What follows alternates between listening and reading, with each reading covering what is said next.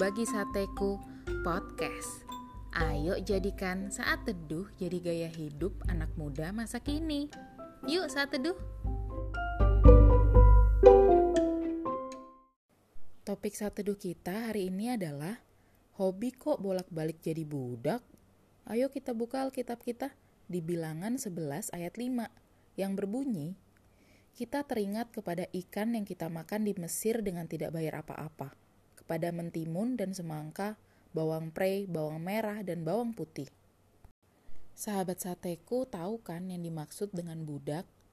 Budak itu artinya adalah hamba yang gak punya kebebasan dalam hidupnya. Seorang budak tuh gak bisa menuntut tuannya dan juga gak bisa menolak kemauan tuannya pokoknya wajib harus mesti kudu tunduk sama tuannya. Karena budak itu emang gak punya hak sama sekali dalam hidupnya. Bahkan ya, hidup matinya seorang budak ya ada di tangan tuannya. Udah kebayangkan betapa sedih dan menderitanya jadi budak? Pasti kita semua gak ada yang mau jadi budak kan? Pasti sahabat sateku ngejawab dalam hati, Ya iyalah gak ada yang mau jadi budak. Itu mah gak usah ditanya. Mana ada sih yang mau jadi budak? Tapi tunggu dulu. Siapa sangka sih kalau ternyata ada orang yang udah dibebasin, eh tapi malah kangen pengen jadi budak lagi. Mungkin sahabat sateku pada nanya, Dih, siapa sih yang dimaksud? Aneh banget. Kok kangen ya jadi budak lagi? Sahabat sateku bisa lihat sikap bangsa Israel dalam perjalanan keluar dari Mesir menuju tanah perjanjian. Dalam sekian lama mereka berjalan di padang gurun, mereka tuh disertai tiang awan, disertai tiang api juga, bahkan roti mana tuh jatuh dari langit buat mereka. Tapi herannya bangsa Israel nggak melihat hal tersebut sebagai suatu keajaiban yang harus disyukuri. Bahkan parahnya nih, bangsa Israel ini malah bersungut-sungut akan keadaan mereka yang menurut mereka buruk. Iya, menurut mereka keadaan mereka tuh buruk, padahal mereka dilepaskan dari perbudakan di Mesir. Padahal mereka disertai tiang awan dan tiang api dalam perjalanan menuju tanah perjanjian. Padahal ada roti mana buat mereka. Tapi menurut mereka keadaan mereka buruk. Kalau sahabat sateku lanjut baca perikop sate kita hari ini, jelas digambarkan kalau bangsa Israel ini justru kangen sama keadaan mereka di Mesir. Menurut mereka, hidup mereka tuh lebih baik pas di Mesir.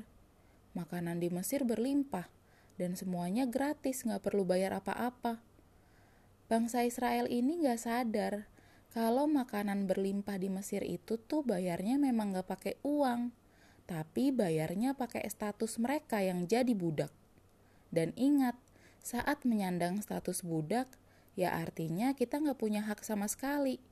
Disuruh kerja paksa harus nurut. Disuruh yang aneh-aneh ya harus nurut. Pokoknya harus nurut semua perintah Tuhan kita. Kalau nolak ya terserah Tuhan kita mau ngapain kita.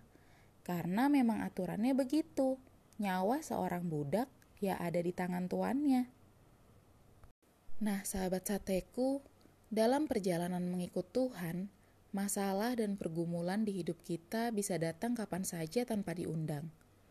Dan tanpa kita sadari, kita sebagai orang percaya sering tuh kayak orang Israel.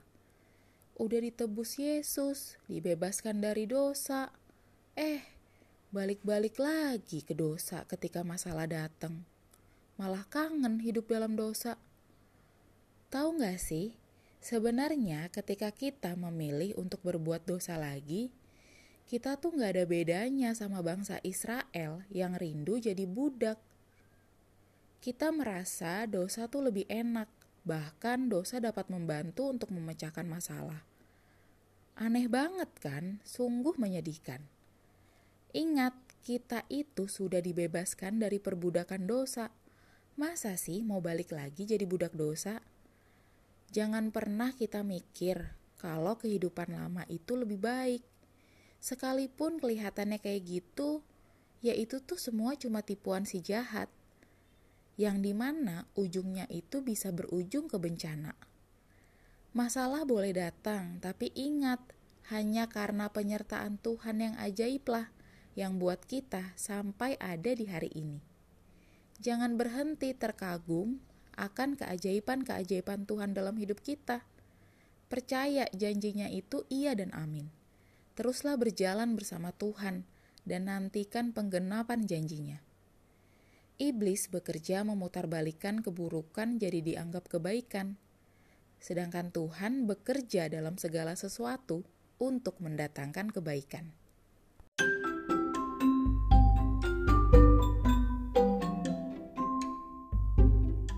Oke deh sahabat sateku, terima kasih ya sudah saat teduh bersama Bagi Sateku Podcast. Tetap semangat saat teduh setiap harinya. Sampai jumpa di saat teduh-saat teduh berikutnya. God bless you. thank you